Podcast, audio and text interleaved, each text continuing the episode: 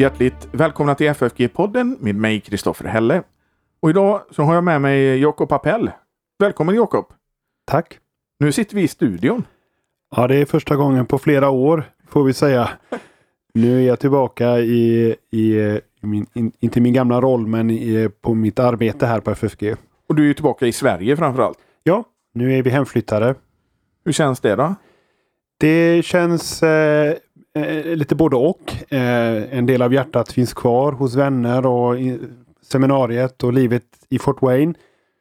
Men vi är också glada över att vara hemma hos släkt och vänner och mycket av det som vi håller av här i, i Sverige. Eh, och inte minst eh, arbetet här på FFG som jag känner mig glad över och känner mig också inspirerad av att eh, arbeta för fram, framöver. Och på tal om det, så om man vill så kan man ju ge en gåva till eh, FFGs arbete. Och den här poddens arbete. Och varför inte eh, ge en extra gåva med tanke på att det är 30 års eh, jubileum för FFG under hösten. Vi har jobbat mycket med den frågan här nu de här dagarna. Så det har jag uppfyllts av under några dagar. Och det, då kan man göra det på Swish. Numret är 123 100 8457. Och så märker man det med FFG gåva eller podcast. Och vill man ge en större gåva så kan man gå in på hemsidan och hitta bankgiro och så. En väl tilltagen 30-årspresent. Och sen, det händer ju också mycket här nu eh, i och med 30-årsjubileet. 18 september så började det med en eh, fakultetsföreläsning av Torbjörn och Rune Inberg. Och då börjar även kvällsbibelskolan. Och man kan väl kanske fortfarande anmäla sig till den. Gör det gärna, gärna idag för att säkert få plats. Men annars är det 14 september som är sista anmälningsdagen. Och det gör man Kontakta expeditionen info.ffg.se eller att ringa 031 778 35 40. Ja. Och eh, som sagt Kvällsbibelskolan. Som har efter corona nu blomstrat upp. Ja. Och eh, vi, vi eh, vill gärna slå ett slag för den. Nystarten kan vi säga. Och till det vill jag också lyfta fram också fakultetens dag som blir ett särskilt firande av 30-åringen den 11 november. Så markera det i era almanackor.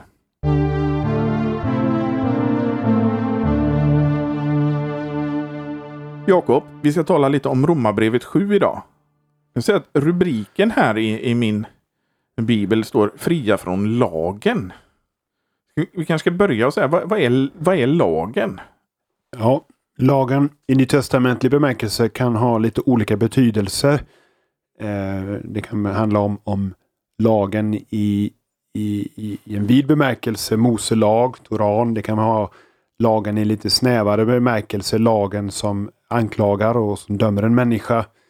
Eh, det kan vara också lagen som en, en, en kraft eh, som så att säga, människan lever under så länge hon är en människa, en, en syndare. Men här tänker jag att eh, Paulus, eh, när han talar om eh, friheten från lagen här, beskriver en bild av vilken effekt och vilken verkan som Guds lag har på en människa i den här världen. Vi brukar ju tala om två typer av lag, alltså uppenbarad lag och naturlig lag. Ja. Och den naturliga lagen, det är det Paulus kan tala om att detta känner vi i vårt samvete och i våra liv eh, tillsammans. Det finns ett, ett slags borde som vi alla eh, bär med oss. Både i våra liv tillsammans som människor men också att, att jag kan förstå även i gemenskap med människor att det är något annat jag borde göra eh, än det som alla andra gör. Och, och det, det är den naturliga lagen som så att säga har sin kontakt i det mänskliga samvetet. Men sen kommer ju den uppenbarade lagen. Eh, Guds lag så som den gavs vid eh, Sinai. Och eh, blir väldigt precis och, konkret. Detta är Guds heliga vilja. Så om man kanske misstog sig i, i genom den naturliga lagen om vad som är, är, är Guds vilja och vad som är rätt och fel så kommer här den definitiva uppenbarelsen av. Så det är en förstärkning skulle jag kunna säga, eller ett förtydligande av den natu- naturliga lagen. Men du, du nämner samvetet. Den naturliga lagen och samvetet hör ju ihop på något sätt. Ja.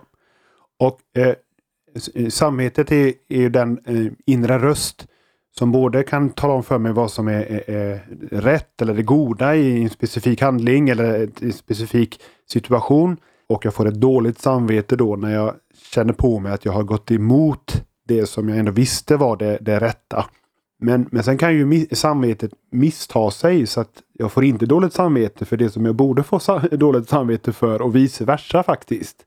Men går man emot samvetet fler och fler gånger så blir ju det eh, sam- avtrubbat på något samvetet. Ja, och det är det farliga. Så att även om så att säga man får dåligt samvete av, av fel eh, sak så är det eh, den faran att, att eh, Paulus talar om att några människor hade ett brännmärkt samvete. Du vet man bränner sig på en, på en het platta. Om man har gjort det flera gånger så slutar man att, att känna något överhuvudtaget. Och på samma sätt är det med det brännmärkta samvetet. Att det får inte längre att det finns ingen, inget alarm som går igång när jag går emot eh, denna, denna vilja som jag vet är den rätta. Och, det, och då är det ju så att till slut så talar, om samvetet är tillräckligt bedövat så är det ju svårt för den naturliga lagen att eh, tala till en människa. Så är det ju. Man gör sig döv för, för lagens röst i den naturliga lagen. Men det är klart, det är inte hopplöst för en sådan människa ändå därför att Guds ande som också verkar genom lagens ord, om det så är den naturliga lagen eller genom skriftens ord och, och lag, lagförkunnelse kan drabbas av det och bli uppväckt som de gamla brukade tala om. Att man, inser här att man har med Gud att göra och vaknar till eh, likt rövaren på korset. Man vaknar till och upptäcker att ja, faktiskt har man gått emot sitt samvete.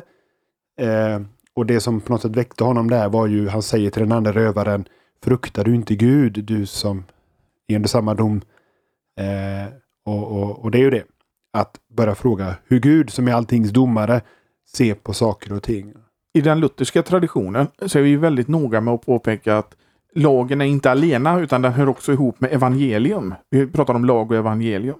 Jo, och man kan ibland tala om lagen som, som frälsningsberedande i den bemärkelsen att den avslöjar och pekar på det som fattas hos oss. På vår synd och vår, och vår bortvändhet från Gud. Inte som ett självändamål, att vi ska på det viset eh, sluta i ett, i ett, i ett, i ett ändlöst självförakt och, och självfördömelse. Utan som det som driver en människa till Kristus. Därför att Kristus kom inte för att döma världen utan för att frälsa världen.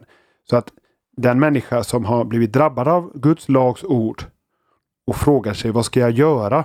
Hur ska jag bli frälst? Hur ska jag kunna hur ska, eller som Paulus säger i Romarbrevet 7, vem ska frälsa mig från denna dödens kropp som lagen har dömt till döden?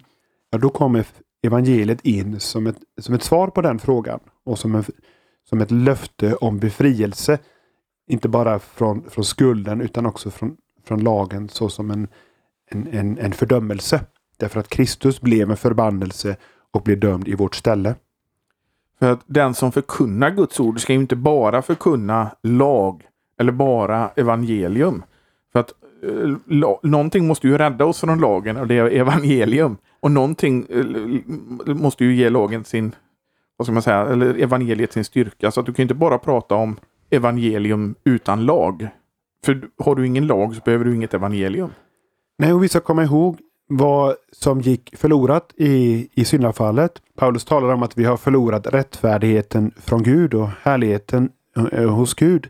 Och om vi förstår det att vi har förlorat själva gemenskapen med Gud och Gud som är i sitt väsende är helig och god och rättfärdig ska kunna ha med oss att göra så behöver det först bli klart för oss att vi i vårt väsen och i vårt sätt att vara, vi är inte som Gud. Så det är liksom inte någon perfect combination där. Att, att vi skulle kunna vara ihop med Gud. För Gud är så annorlunda än oss på grund av synden i oss. Så lagen kommer in och säger, det blir som en diagnos. Så här är det. Du är skild från Gud på grund av synden. Så vi måste predika det.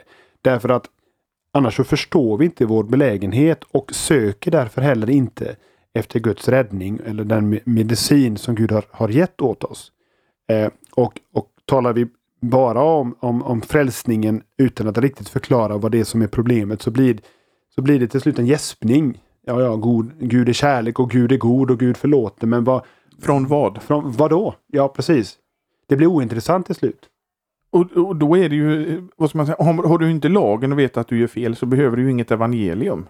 Nej, och till slut så slutar Jag måste nog säga det här att om, om inte lagen får beskriva mitt tillstånd så blir jag heller inte löst ifrån det som är mitt eh, problem. Paulus säger ingen söker Gud, det vill säga det jag söker är, är kanske inte Gud. Så att när jag hör då att Gud är kärlek och Gud är god så blir jag så att säga bara bekräftad i min vantro. I att jag egentligen söker mig själv och mitt eget. Jag söker inte Guds rik och hans rättfärdighet. Det måste talas om för mig.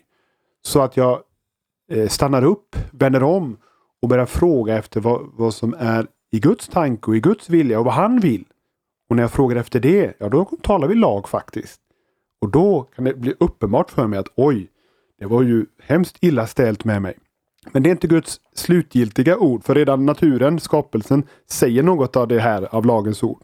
Så att det nya med Kristus och evangeliet, det är att Gud frikänner dem som är, eh, eh som är syndare och står under lagens dom. Men idag så är det ju, jag brukar påpeka det ibland, att folk misstar ibland lag för evangelium. De tror att du ska älska din nästa. Det är ju inte evangelium, det är ju lag. Nej, jag, jag vet det. Eh, eh Gertz eh, tar upp det här i en liten skrift, eh, Kärlekens evangelium, att så många människor kallar kärleksbudet för evangeliet, att vi ska älska varandra. Men, men när man verkligen eh, mediterar över vad det innebär så handlar det om att släppa sitt eget ego och fokusera på andra än sig själv.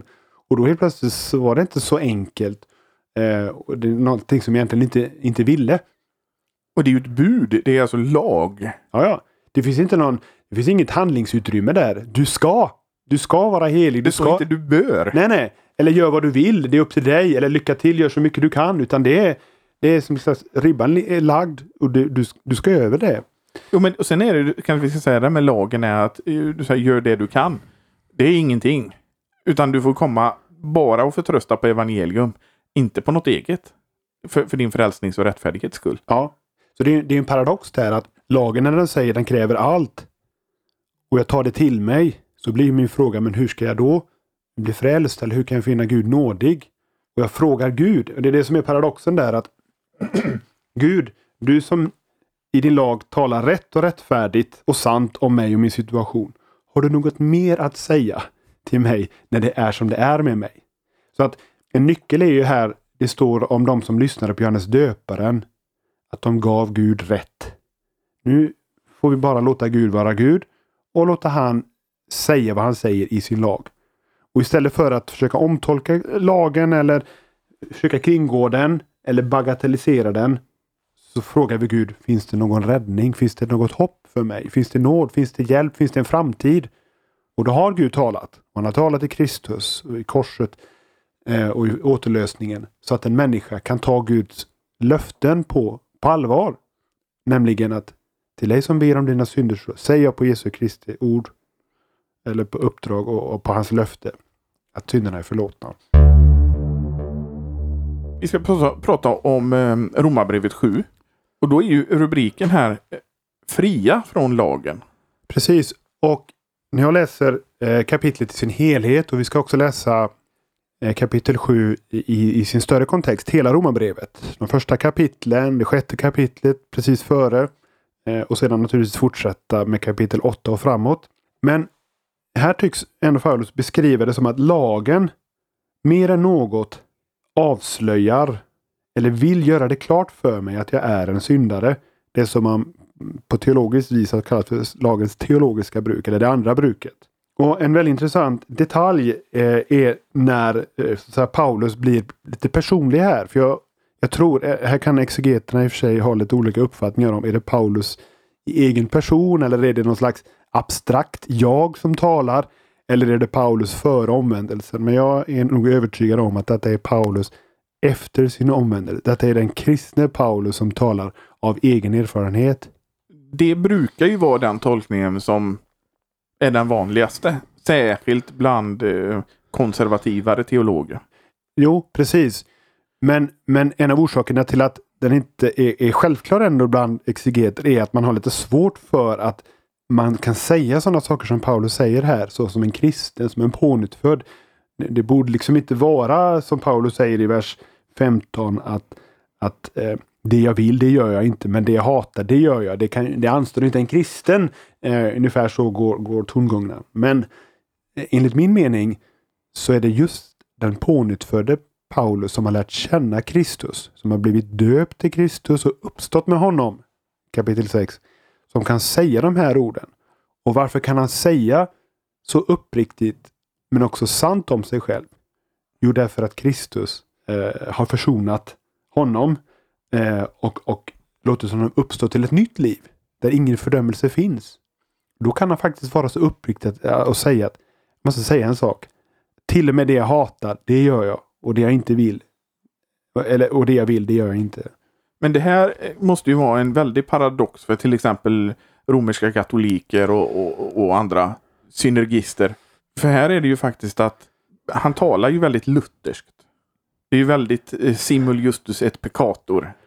Jo, och det, det eh, förstås så talar han ju eh, bibliskt och, och, och, sant. Men det är klart att Luther tar ju väldigt intryck av, av, av Paulus i Romarbrevet.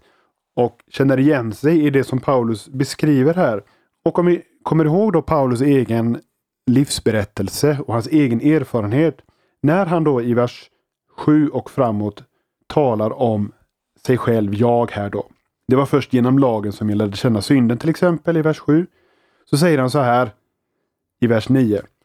En gång levde jag utan lag. Och man frågar sig i Paulus liv, när var det hans verklighet att han levde utan lag? Var, det, var inte han den frommaste av fariseerna? Han säger i Filipperbrevet 3. Jag var oklanderlig enligt den rättfärdighet som vinns genom lagen. Så att när människor tittade på honom och tittade på lagen sida vid sida så, så hittade de inga fel hos honom. Så man undrar ju, vad menar du Paulus? Att du levde utan lag? Men så säger han, men när budordet kom. Och vilket budord? Ja, det måste ju vara tio Guds bud. Ja, och väldigt specifikt, han har sagt det i versen innan. Du ska inte ha begär. Det är nionde och tionde budet. Precis, så det verkar som att Paulus levde i, en, i egna ögon enligt lagen. Men han hade inte alls levt enligt lagen för han hade inte tagit det, detta bud på, i, i fullt beaktande. Om, om vi återgår till, till till exempel romersk-katolska kyrkan som jag talade om. Så är ju, de menar ju att det här begäret inte är synd. Men begäret är ju beskrivet i de här nionde och tionde budet. Ja visst. Eh, och, och Paulus verkar ju som, som att enligt hans egen erfarenhet som farisé hade han inte tagit detta budet på allvar. Men, säger han, men när budordet kom, vers 9, fick synden liv. Det vill säga, när det budordet kom till mig på ett konkret och personligt sätt, när jag liksom mediterar över vad det här, vad det här säger, vad är det Gud sätter fingret på och jag börjar se på mig själv och mina begär. Då fick synden liv helt plötsligt. Oh! Liksom öppna locket till en kloak. Synden får liv, det bara sprutar ut. Och han säger, och jag dog. Och vad är det som dör? Jo, det är jaget, egot, det självrättfärdiga jaget. Som i egna ögon är han rättfärdig, eh, farisén Paulus då. Och så säger han, det visade sig att budordet som skulle föra till liv ledde till död. När jag tar lagen på allvar så dör jag. Egot dör. Självrättfärdigheten dör. Och det kan jag inte ha bara på något annat sätt. Sker inte det, då har jag inte tagit lagen på tillräckligt stort allvar. Men han säger samtidigt i vers 11. Synden grep tillfället och bedrog mig genom budordet och dödade mig genom. Så att det är inte lagen som är problemet. Utan det är synden. Så att det är synden som så är min fiende och som dödar mig. Lagen däremot, säger han, den är helig. Det är heligt, rätt och gott. Men, men när det pekar och talar och kommer till mig personligt och konkret. Då tar det ifrån mig min självtillräcklighet och min, själv, min, min egen rättfärdighet. Men för en oomvänd människa så kan ju både lagen och Jesus var en fiende. Ja, precis. Det, det, är, något, det är något paradoxalt i det här.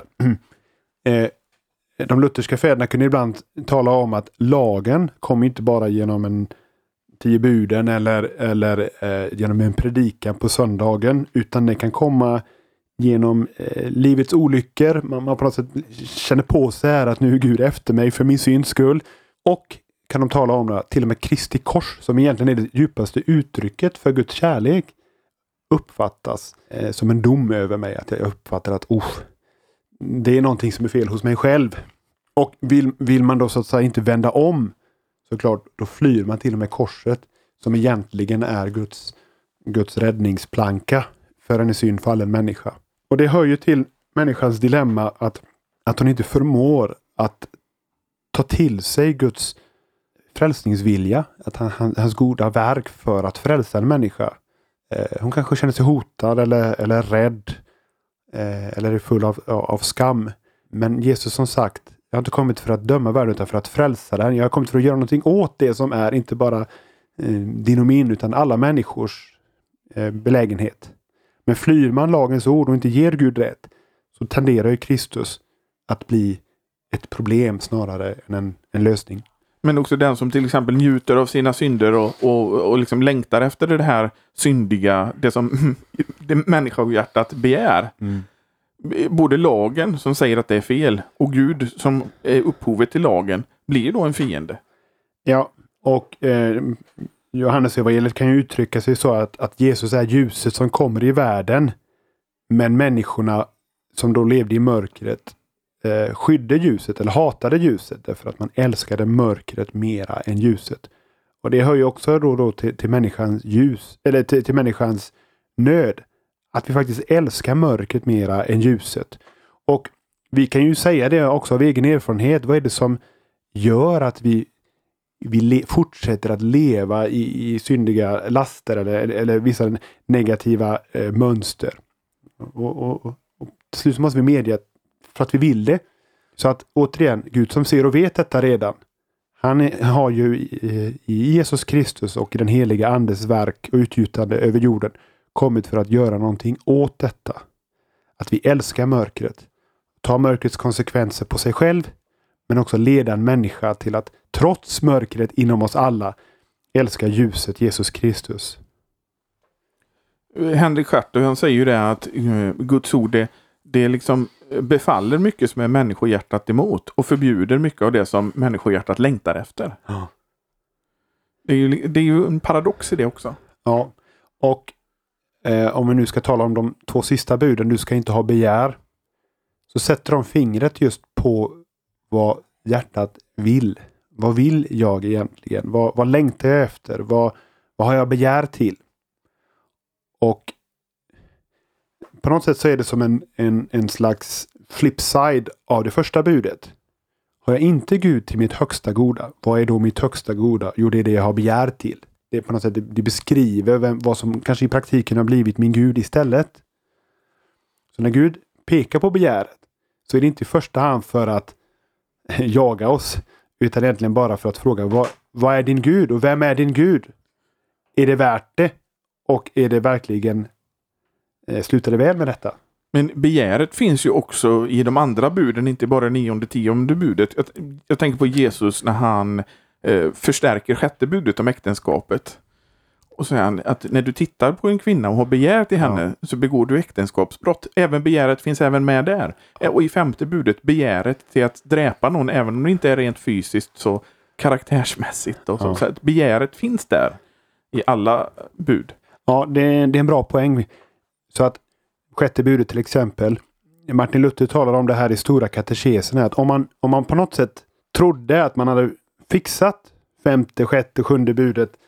Eh, så kommer det nionde, tionde budet och säger att nej, det har du inte gjort. Det, är så att förbjud, det förhindrar mig från att bygga på min egen rättfärdighet sist och slutligen. För om, om du trodde att du höll äktenskapet i ära men hade begär till din nästas hustru. Men på något sätt under sken av lag och rätt höll dig på rätt sida staketet så att säga. Så är du fortfarande eh, skyldig. Och det är vad Jesus också stryker under i bergspredikan. Så att på något sätt kan man säga att Jesus där bara håller ihop sjätte och tionde budet. Eller du ska inte stjäla med det, med det, också med det tionde budet. Så att både insidan och utsidan hålls ihop. Och båda återspeglar vårt väsende och vårt handlande som Gud ser. Men om vi nu tittar på vad Paulus säger här som jag tycker är det starkaste i Romarbrevet 7. Och det är han säger att det goda som jag vill göra, det gör jag inte. Men det onda som jag inte vill, det gör jag. Och vi pratade om det innan. Att det är nog den omvände Paulus, den som förtröstar på Kristus, som känner så. Och så är det ju också för många människor idag som förtröstar på Kristus. Det är inte så att, att när man kommer till tro att den gamla människan försvinner. Den är ju kvar. Ja, och Paulus här blir ju den stora själavårdaren när han, som vi får tro, då talar av egen erfarenhet att detta är en verklighet även efter dopet. Eh, kapitel 6 och omvändelsen. Och kanske ska vi säga så här att om nu Paulus före omvändelsen trodde att han var då oklandlig, som jag pratade om förut, så har Guds anden, för det är det nya här med omvändelsen, att den helige ande kommer in.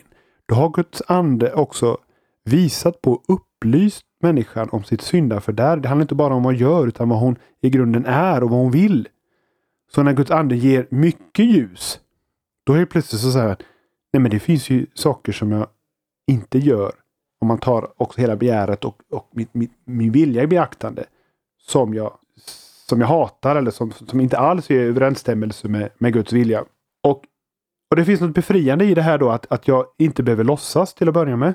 För Paulus, den stora aposteln, visar att tar vi hela syndafördärvet i beaktande, då måste vi vara ärliga och säga att så här tar det sig uttryck. Och även om vi kan sörja över synden och sörja över så att säga inte bara vad vi råkar göra eller, eller så utan faktiskt också det som klibbar oss fast som vi kanske beskriver som karaktärsfel eller, eller djup, djupa andra eh, problem. Så är det ändå något som kallas för synden som, som en fördärvsmakt. Paulus säger det. Det är inte längre jag som gör utan synden som bor i mig. Och så blir det en reflektion över detta som bor i honom. Eh, och han slut frågar sig, men vem ska rädda mig eller, eller frälsa mig från denna dödens kropp? Och så återigen, ja men det är Kristus. Han som har dött och uppstått för mig och jag har fått dö och uppstå med honom. Och Då vet jag att till och med detta gamla synden som bor i mig, det är dött och begravet i dopet. Och så ska jag se på mig själv som uppstånden med honom varje dag. Så därför så kommer, som Luther talar om, livet i dopet att vara ett dagligt dränkande av den gamla människan. Att se, ja men det är där. Se det först och främst. Och dränka det i den bemärkelsen att detta är inte jag utan Kristus är mitt jag. Och Sen kan man i, i det konkreta praktiska livet se kanske lite väl mycket av det gamla i mina handlingar. Egennyttan och självkärleken och, och självtilliten och sådär. Men det är bara en påminnelse om att han är fortfarande där, den gamla människan. Och Gud var det tack som tvingar synden att tjäna själva eh, frälsningen. Att det drar mig och behåller mig tillbaka hos Kristus och som min frälsare varje dag. Så att det inte blir som i, i, i Galatien när, när Paulus säger ni började i nåden eller ni började i anden men slutade i köttet. Och då är det inte att de blev lite sådär libertinister och började synda på nåden. Utan att de blev så fromma och så rättfärdiga så att de lämnade anden och nåden. Det var problemet. Ja, för det, det, lagiskhet kan ju slå över också. Som den tidiga Paulus, farisén, är ett bevis på. Ja, och tittar man då på, på, hans egen, på andens verk i hans liv. Det skulle kunna vara så här att ja, men nu blev jag frälst och så blev det gradvis bättre och bättre och bättre och bättre. Men kom du ihåg att Paulus innan sin omvändelse var på toppen? Oklanderlig. Ja, det fanns... han, var, på toppen. så det fanns liksom inte så mycket att förbättra i, i, i, den bemärkelsen som vi ofta tänker på det. Att, att man blir lite bättre och man är lite oborstad och så lägger man undan vissa synder och laster. Utan för honom är det snarare tvärtom. att Det blir som en, en gradvis upptäckt av det som man inte hade sett, nämligen syndafördärvet. Så han upplevde nog snarare att det blev bara sämre och sämre. När han la märke till begäret och hur det tog sig uttryck. Och han kan skriva här i kapitel 7, vers eh, vers eh, 13. Genom budordet skulle avslöja synden som synnerligen syndig i, i den nya folkbibeln. alltså det blir synnerligen syndigt när jag lägger märke till det i helgelsens verk. Så att han, när den gamle Paulus kan uttrycka sig så här att, att han är den främsta av syndare. Och det låter som en överdrift. Om man tänker, du skulle bara se på mig. Yeah. Men, men det är något av erfarenheten i andens skola den präktige, den oklandrige Paulus, som nu har letts, till anden, letts av anden till att se att vårt väsende är inte som Guds väsende i sin helhet. Och så, så kan han säga det att, att, att eh, men Gud bevisade sitt tålamod och sin nåd mot mig som är den största av syndare. Men också för att vara ett föredöme för alla de som ska föras till tro. Att den största av syndare, han blir benådad av nåd alena. Och då kan också vi bli det.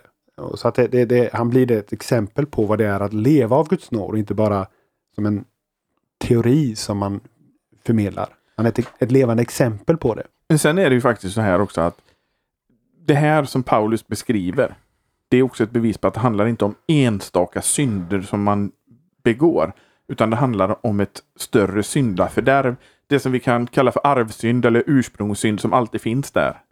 Som, som är upphovet till de här verksynderna. Ja, vi pratade om samvetet i början där och oftast så får vi dåligt samvete för sådana eh, enstaka synder eller, eller sånt där som känns och som kanske fick lite negativa konsekvenser. Vi gjorde någon ledsen eller vi, vi trampade över ja, sådana där saker som, som ger oss dåligt samvete. Men faran är ju då att man reducerar eh, Guds verk i samvetet eller Guds andes överbevisning om, om sådana saker som man känner så att säga. När Guds ande egentligen också vill, vill avslöja hela mina inre drivkrafter. Vad, vad som leder mig till att göra vissa saker och, och visa på att jag har mycket av egennytta, jag har mycket av självtilliten. Eh, att jag inte frågar efter, efter Gud, Guds fruktan eh, och hans vilja i, i mitt handlande. Och då helt plötsligt så kan ju, om samvetet vaknar där, och upptäcker att oj, det är mycket värre ställt än de här ens, enstaka handlingarna som kanske fick lite dåliga konsekvenser. Så visst, det är klart att det ena ska ni göra och inte försumma det andra. Men, men, men, men detta långtgående verk i Guds andes skola, det sätter ju fingret på, på, på, på hjärtats bortvändhet och, och begäret. Och det kan ju en del tycka då låter så väldigt tungt och dystert och logiskt och sådär. Men det är egentligen tvärtom. Det finns en slags befriande realism i det där. Att jag behöver inte låtsas, jag behöver inte förtränga utan jag kan leva Guds barns härliga frihet. Att vara frälst av nåd. Och Paulus svarar ju där då, vem ska frälsa mig från den här? Jo, det har Kristus gjort. Så finns det ingen fördömelse för dem som är i Kristus Jesus bland de vackraste uttrycken i hela Nya Testamentet. Där i versen efter, kapitel 8. Och en stor tröst är att vi kan ju stämma in i Paulus ord utan att skämmas. Så att det goda som jag vill göra, det gör jag inte. Och det onda, det som jag inte vill, ja det gör jag. Ja. Vi kan stämma in med Paulus och få tröst i att veta att han också var en sån människa. Som, precis som vi. Vers 15. Jag kan inte fatta att jag gör som jag gör. jo, ja, men visst. Och, det, och trösten ligger ju inte kanske i första hand att vi alla är i samma sjunkande skepp. Eh, att det är lika illa ställt med oss alla. Utan att vi har en lika stor frälsare. Både Paulus och, och vi själva. Och att, att vi, vi återigen lever i Guds barns härliga frihet med en, en stor frälsare. Där vi inte behöver gömma oss för den sanning som pinsamt nog kan beskrivas så. Det jag vill, det gör jag inte. Det är pinsamt men sant. Men är det sant så är det vad Gud ser. Och ju förr jag leds att se det och medge det, desto bättre. Då utgår man ifrån det istället. Sen är inte Guds ande eh, livlös utan han är ju mäktigt verksam i, i en människa, i en pånyttfödd. Så att när jag stavar på Fader vår, ske din vilja så som i himlen, så och på jorden. Så är ju anden där för att göra den bönen så att säga, besvarad i mitt liv. Luther säger så i, i förklaringen till den bönen. Guds vilja sker utan vår bön. Men vi ber att denna vilja ska ske med oss och i oss och genom oss. Och så kan ju en människa i livets och andens skola ledas till att mer och mer säga Ske inte min vilja utan din. Jag känner och vet av egen erfarenhet att är det någonting som jag hellre önskar så är det att din vilja sker än att min egen vilja sker. För min egen vilja leder bara till död och till problem och, och, och jag, jag, har sett lite för mycket av det. Men jag vill fortfarande så mycket av det gamla fast jag har lärt känna denna nya goda vilja som är din vilja. Så när jag ber den bönen så menar jag allvar. Ske inte min vilja utan din. För att min vilja är problemet. Men icke genom Guds, äh, men icke genom egen kraft ska det ske utan genom Guds ande. Så att mitt hopp till slut står inte till mig själv och att jag på något sätt kommer ur min egen vilja. Utan att Guds vilja som sker ska få ske i mig och genom mig. Genom Guds ande. Det blir fina avslutningsord på det här avsnittet om Romarbrevet 7. Vi kanske får anledning att återkomma till det någon gång i framtiden. Ja, det finns ju så jättemycket att säga om, om detta kapitel, men också om, om, kapitlet i sitt större sammanhang i Romarbrevet.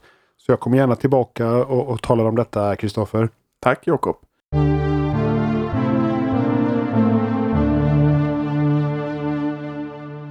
Vi kan ju påminna då om att den 18, 18 september så börjar eh, Kvällsbibelskolan med en öppen fakultetsföreläsning.